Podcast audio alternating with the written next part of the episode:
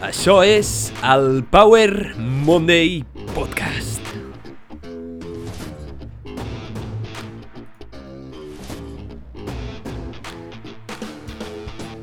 Benvinguts al Power Monday Podcast. Soc en Pau, el teu apassionat de fitness, inspiració i ciència. I en aquest podcast, cada setmana et porto un missatge, personatge, concepte o eina poderosa per ajudar-te a descobrir com desbloquejar la grandesa que tens dins teu i viure millor gràcies a la ciència, l'exploració i el coneixement.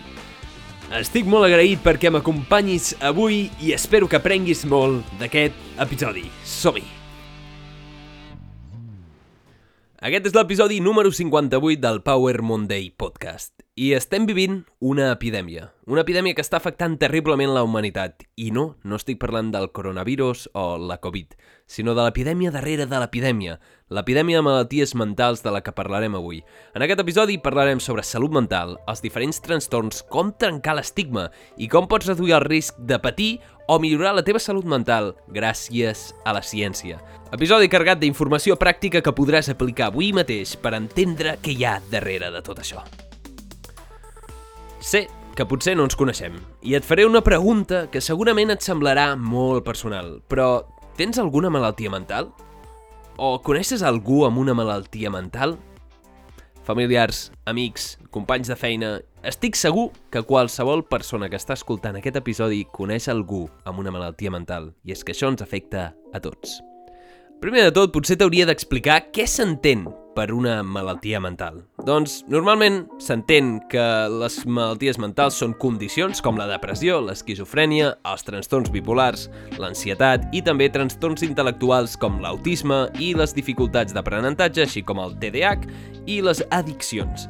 Totes aquestes i moltes més, de molt específiques, afecten unes àrees molt semblants del cervell i pertorben en diferents graus les funcions mentals de la cognició, la percepció i la regulació de les nostres emocions.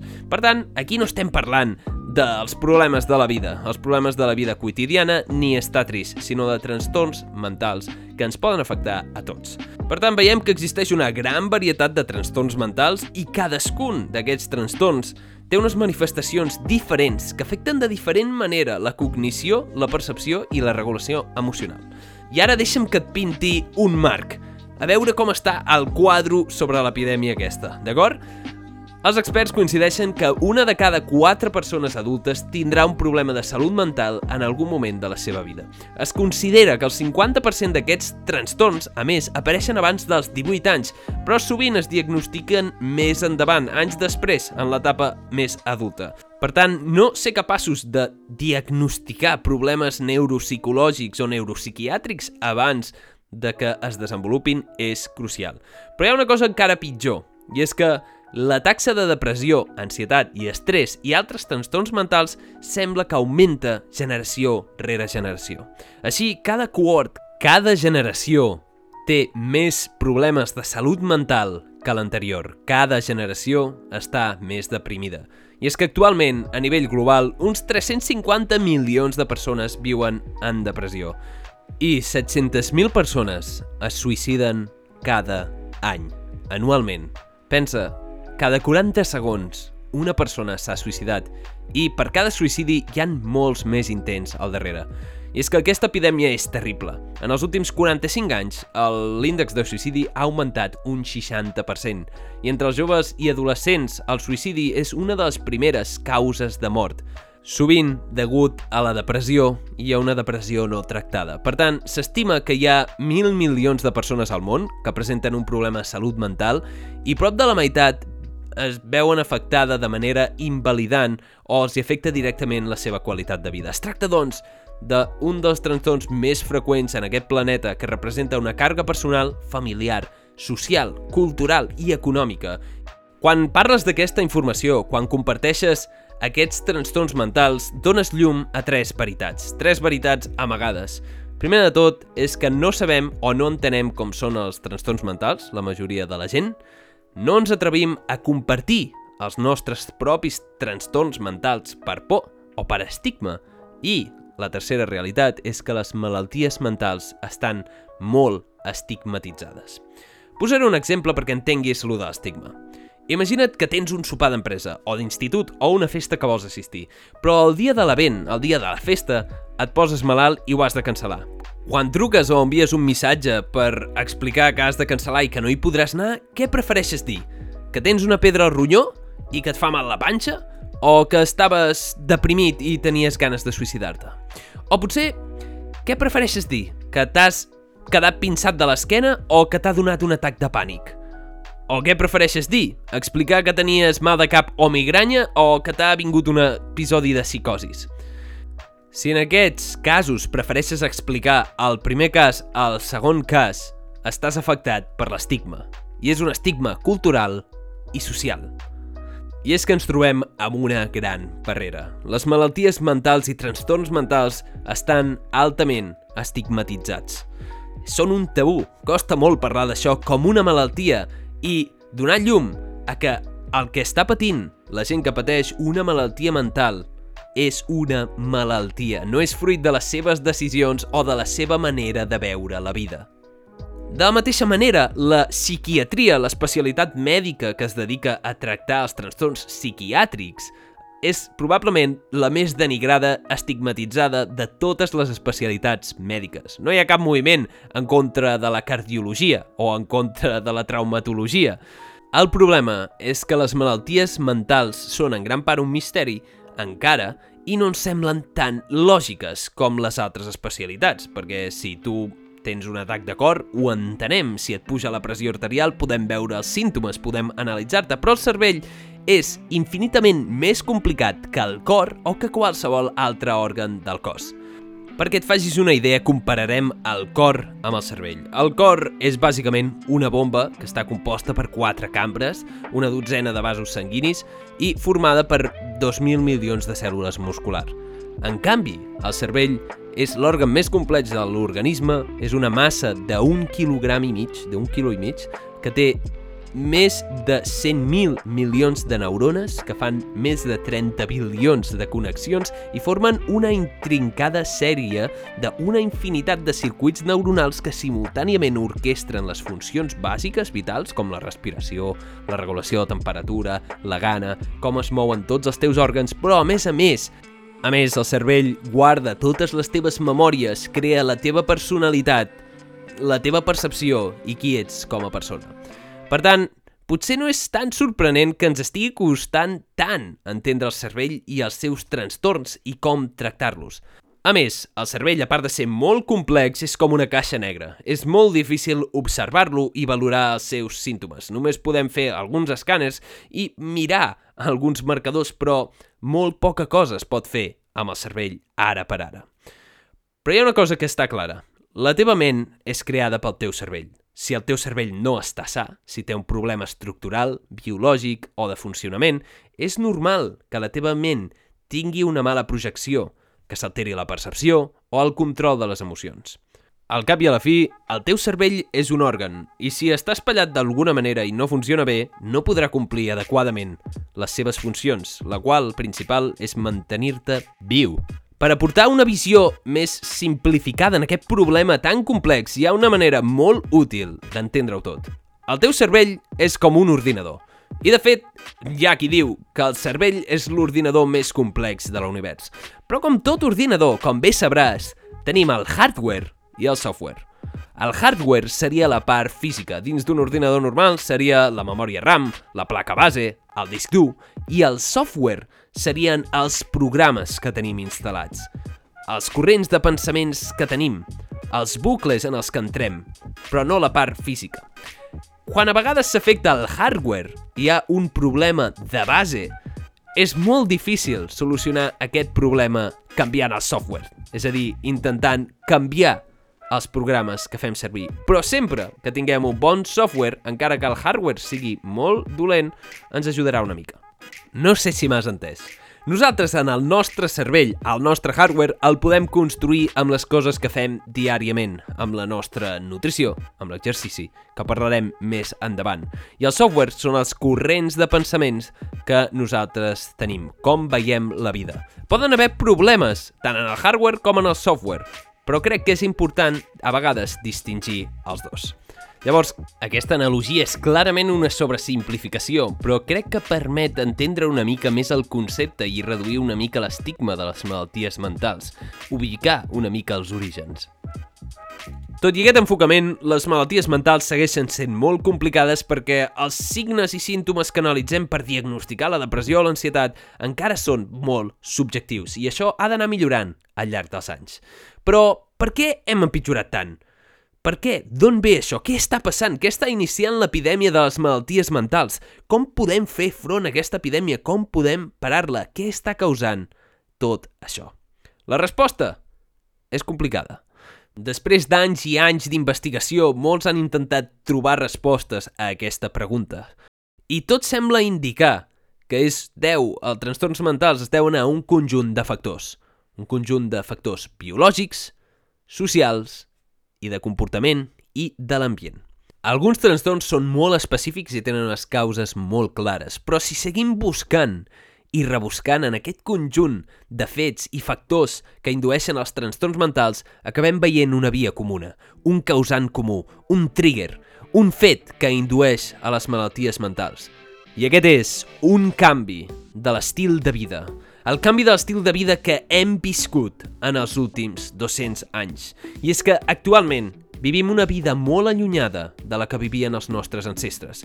En un context de caçador-recol·lector, en el que encara estem molt ben adaptats genèticament com a espècie, en el que no ens hem transformat en els últims 200 anys, però el nostre estil de vida ha canviat radicalment.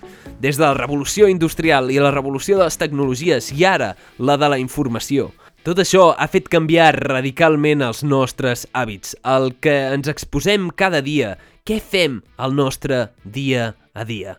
Mai vam ser dissenyats, no estem adaptats per al ritme de vida sedentari, de l'aïllament social, carregat de menjar ràpid, privat de son, en, un vida, en una vida frenètica on mana la sobreestimulació.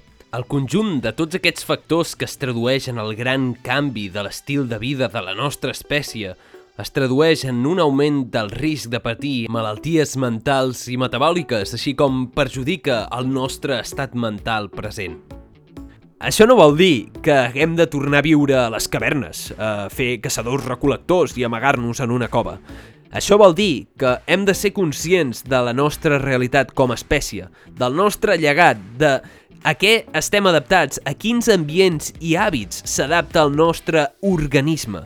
I així, amb aquest coneixement, podem trobar com viure millor, com viure més temps i com fer front a totes les malalties que ens ataquen, a través de la comprensió essencial de la nostra espècie i organisme.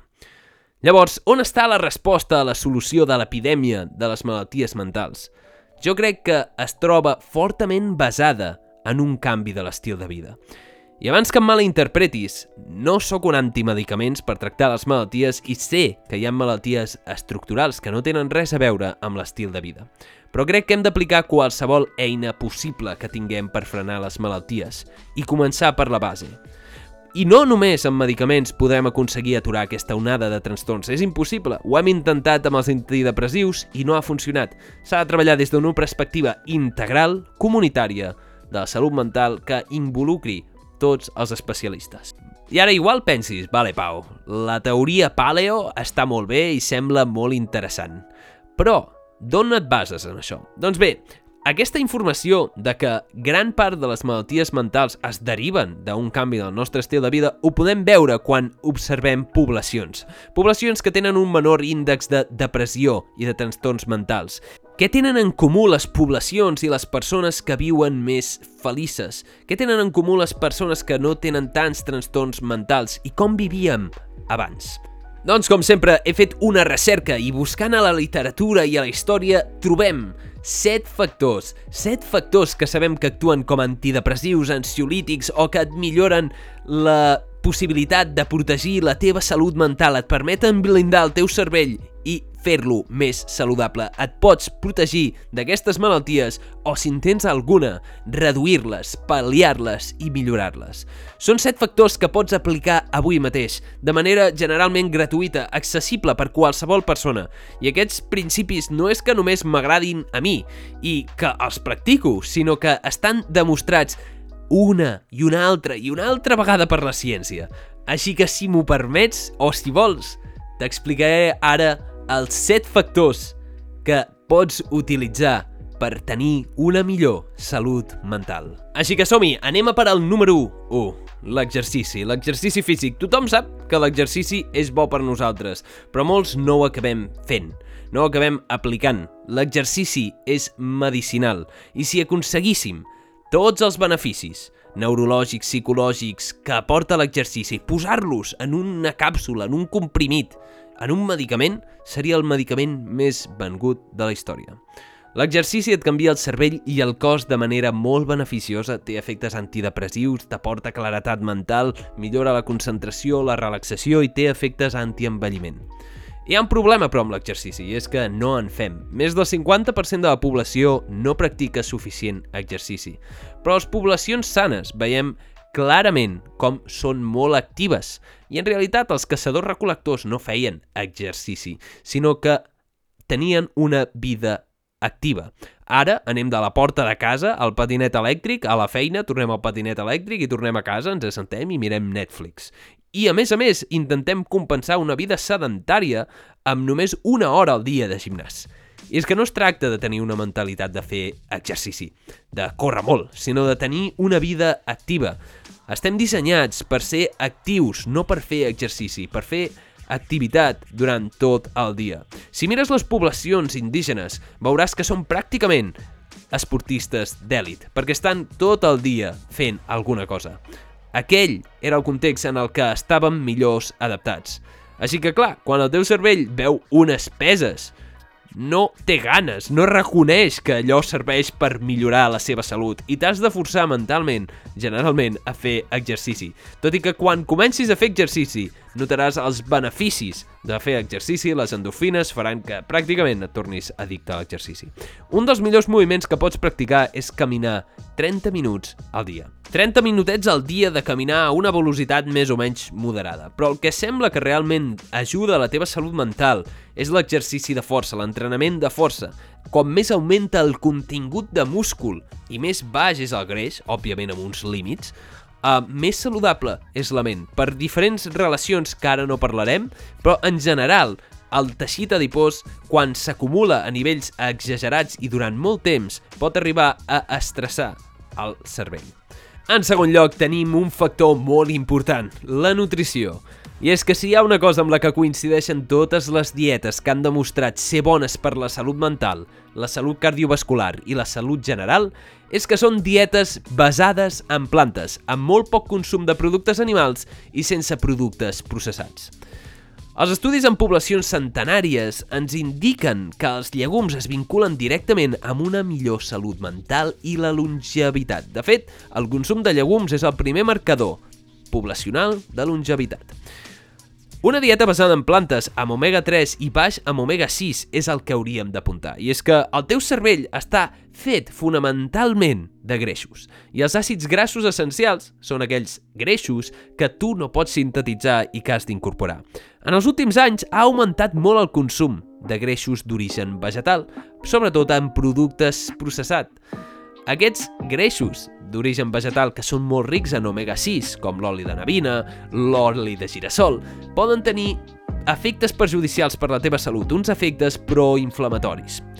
Llavors, ens hauríem de centrar en consumir àcids grassos saludables, omega-3, que poden provenir de la nou o poden provenir d'algun suplement que pots suplementar. De fet, la suplementació d'omega-3 ha demostrat que pot tenir efectes antidepressius i ansiolítics.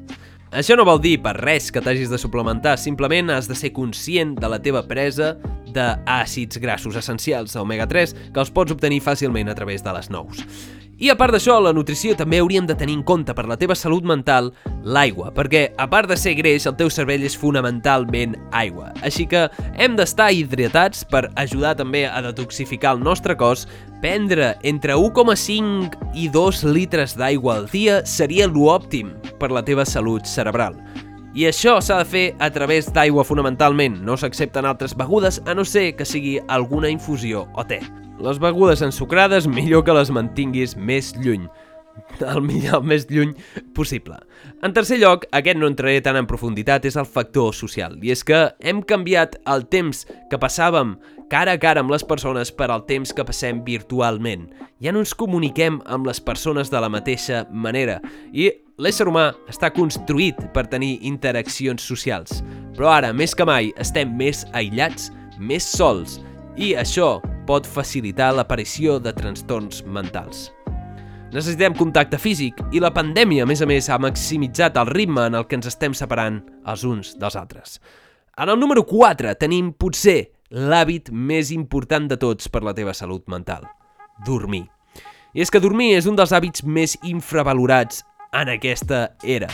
Dormir és el centre de reparació del teu cos, però sobretot el centre de neteja del teu cervell. I és que hi ha una relació inversament proporcional amb les malalties mentals i la quantitat d'hores que dorms. Quan dorms el teu cervell es neteja literalment, així que et recomano que dormis entre 7 i 9 hores diàriament, que siguis constant i que tinguis present el ritme circadià. En el Power Monday Podcast he parlat bastant sovint del ritme circadià i et recomano que facis una ullada a aquests episodis. A part, dormir serveix per integrar les teves memòries i els teus coneixements. Si no ho fas de manera adequada i ho portes a llarg termini, pots facilitar molt que apareguin els trastorns mentals. Així que dormir és essencial pel cervell i el que és essencial pel, pel teu cervell és essencial per la teva ment i estat mental. Llavors, el número 5 és l'exposició al sol. O bé, sortir al bosc i tenir contacte amb la terra. Sí, m'he posat una mica xamànico, però és que el sol t'ajuda a produir vitamina D. Nivells baixos de vitamina D es vinculen directament amb el risc de depressió i és que aquelles poblacions nòrdiques amb molt poca exposició al sol tenen molt més índex de depressió. Però quan són suplementats amb llum que mimetitza la llum del sol o amb vitamina D, aquests símptomes depressius milloren. Així que, literalment, necessites la llum del sol per sentir-te bé, per sentir-te viu. Així que surt, pren l'aire, estigues a fora i entra en contacte amb la llum del sol. Per sintetitzar la vitamina D necessites uns 20 minuts diaris amb un 40% de la pell exposada. Durant l'hivern és probable que sigui una mica difícil, així que es recomana la suplementació. De fet, per la dieta no podem cobrir la vitamina D. Ho hem de fer pel sol, no ho podem cobrir de manera efectiva, tot i que amb la suplementació sí que la podríem cobrir.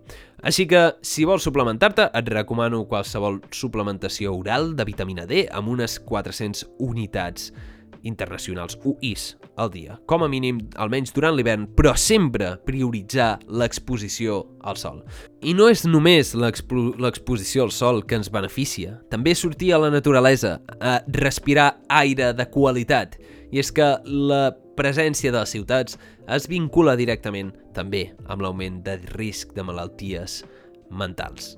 Llavors, en el número 6 de factors importants per la teva salut mental tenim un hàbit o un conjunt d'hàbits que pots practicar i és la meditació i la gratitud. I és que la majoria de poblacions i tribus que estan felices o que tenen un índex menor de malalties mentals treballen molt la meditació, la gratitud i centrar-se no només en el moment, sinó en apreciar tot allò que és positiu. Veiem, doncs, que aquestes poblacions actuen treballant amb el software, treballant amb el corrent de pensaments que tenen, i practicar la gratitud s'ha demostrat a molts estudis que ajuda a fer front a les malalties mentals. La gratitud és apreciar o posar l'atenció en allò que realment aprecies d'aquesta vida, reprogramant així una mica el teu cervell i ajudant a que el viatge se'n vagi cap allà. Un consell que pots fer cada dia és, al despertar, mira't a un mirall i digues avui serà un gran dia. I com que al teu cervell li encanta tenir la raó, acabarà ensenyant-te algun camí, almenys en el que trobaràs un gran dia. Llavors també tenim la meditació. La meditació, en realitat, en la majoria de cultures, es presenta com una forma d'alteració de la percepció i de l'ús de la respiració. A moltes cultures, aquestes tècniques de respiració han demostrat que ajuden a fer front a situacions estressants i que disminueixen la probabilitat de patir trastorns mentals. Això en molts, molts estudis. De fet, en l'últim episodi de Power Monday Podcast es parlava de cantar, que també requereix, a part d'això, un control de respiració i cantar també pot ser una forma de conscient de millorar la teva salut mental. Llavors, aquest era el número 6, no entrarem molt en detall, però et recomano que facis un cop d'ull al Power Monday anterior i al Power Monday on et parlo de la respiració, com pot ser el control de la teva ment i de la teva fisiologia. I ara bé, el número 7. He deixat el número 7, aquell que potser no t'agradarà, i és evitar consumir drogues. Evitar el consum d'alcohol, marihuana també, i també tabac. S'ha vinculat directament amb una millora dels trastorns mentals. Consumir aquestes drogues es vincula directament amb l'augment del risc de depressió i de suïcidi. Amb cocaïna, heroïna, crack i moltes altres drogues també passa el mateix. I probablement ara estiguis pensant però bueno, la Maria té les seves aplicacions i pot tenir la seva utilitat. I això és cert. Però és que hi ha coses que poden ser bones i dolentes alhora. Hi ha coses que no hem de donar a tota la població. I a vegades aquesta generalització de donar-ho tot, de fer servir la, Mar la Maria com a terapèutica per qualsevol cosa, és un error. Aquest ús ha de ser basat en un especialista o basat en un fet evident de que aquesta droga o medicament pot realment ajudar a la persona i s'ha de personalitzar a cada individu. Així que, si us plau, si pots, abstenta, sé que pots, et pots abstenir del consum de drogues, sobretot l'alcohol, que es vincula directament molt fort amb la depressió i suïcidi. Així que aquests són els 7 factors que et poden permetre blindar la teva salut mental, millorar-la i prevenir moltes malalties mentals, així com ajudar-te a pal·liar-les o fins i tot en algun cas tractar-les. I és que moltes, com et deia, s'originen d'un mal estil de vida. Te'ls torno a repetir molt ràpidament. L'exercici físic, sobretot el de força i resistència, després una nutrició basada en plantes, està integrat socialment en el número 3, dormir, l'hàbit més important de la teva salut i ajustar el teu ritme circadià, exposició al sol per sintetitzar vitamina D, la meditació i la gratitud i en el número 7, l'abstenció del consum de drogues. Sorprenentment o no, aquestes set característiques que veiem que milloren la nostra salut mental també milloraran totes les altres malalties cròniques, com la malaltia cardiovascular, l'obesitat, la diabetis i el càncer. A més, d'alguna manera totes estan interrelacionades i ens aproximen a la vida que realment com a espècie ens hem adaptat molt temps. I està clar que aquests set factors no són la solució de tots els teus problemes ni de tots els problemes que ens estem enfrontant. Però ens solucionen tants i tants i són tan segurs, barats, efectius i ho pot practicar tothom que no trobo motius pels quals no hauries d'intentar-ho. Es tracta de tenir amor per un mateix. Es tracta de tenir l'amor suficient per fer coses que t'estimin de volta, és a dir, fer coses que t'agraden però alhora que també estimin el teu cos. Si has arribat tan lluny en aquest episodi, potser et preguntis per on començar. I és que per començar hem de reconèixer les malalties mentals pel que són. Una condició mèdica. I hem de parlar obertament de les malalties mentals. Busca ajuda, i ajuda a aquells que les pateixin, però no des d'un punt de vista paternalista dient com han de viure la vida. I no els jutgis, simplement empatitza amb ells i recomana l'ajuda de professionals, pregunta i evita l'estigma. Acabem d'una pagada per totes amb l'estigma. Les malalties mentals són reals, ens afecten a tots i tractar-les ens ajuda no només a curar-les, sinó a també curar l'estigma. Les fem reals, les fem una malaltia. Hem de proposar la recerca, la inversió en aquestes malalties i hem de lluitar per iniciatives per donar més llum a aquests trastorns que et poden afectar a tu tant directe com indirectament. Així que si estàs patint una malaltia mental o estàs passant per un mal moment o creus que algú està patint un problema, ajuda'l i demana ajuda, demana psicoteràpia, busca tractaments psiquiàtrics també. No hi ha cap problema en admetre que tens un problema. Demanar ajuda no és una debilitat, és una mostra de virtut, de conèixer que tens límits, de conèixer els teus propis límits i recolzar-te en el coneixement de les altres persones que et poden permetre viure millor. Això no només t'ajuda a tu, sinó a tota la gent que t'envolta, a tot el teu context social. I tractar les malalties mentals ha demostrat que disminueix el cost en sanitat i millora la salut general d'una població. Així que trenquem l'estigma, parlem obertament dels trastorns mentals i busquem ajuda quan la necessitem. Per la teva part, tens a més a més el gran poder de modificar el teu estil de vida, de crear i dissenyar els teus hàbits, de canviar els mals hàbits per bons hàbits. I és que aquests set pilars, aquests set factors, no només t'ajuden a la teva salut mental, t'ajuden en tots els nivells. Nutrició, exercici, dormir, meditació, abstenir-te del consum de drogues i un context social adequat i a més l'exposició al sol. Tots aquests factors et poden permetre viure millor i ajudar a totes les persones que t'envolten. Per acabar aquest episodi m'agradaria agrair molt a la feina que s'està fent a la Marató de TV3 aquest dia 19 de desembre que anirà també sobre salut mental. Allà pots anar i donar per la investigació sobre la salut mental per ajudar-nos a vèncer aquesta gran epidèmia. I per últim, agrair-li a l'Eloi que hagi proposat aquest tema per al Power Monday Podcast d'avui. Sense ell, probablement aquest episodi no existiria, així que gràcies, Eloi. I això és tot per aquest episodi. Moltíssimes gràcies per haver escoltat aquest episodi. Espero que t'hagi agradat molt o t'hagi aportat una mica de valor. Recorda, si t'ha agradat, si us plau, comparteix aquest episodi amb alguna persona que creguis que li pot interessar.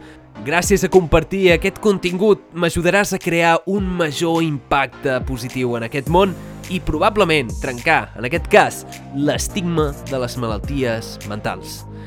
Aquest episodi és crucialment important i espero que doni una mica de llum a la situació epidèmica que estem vivint de trastorns mentals. Parla'n, comparteix i vés a psicoteràpia. No hi ha res dolent.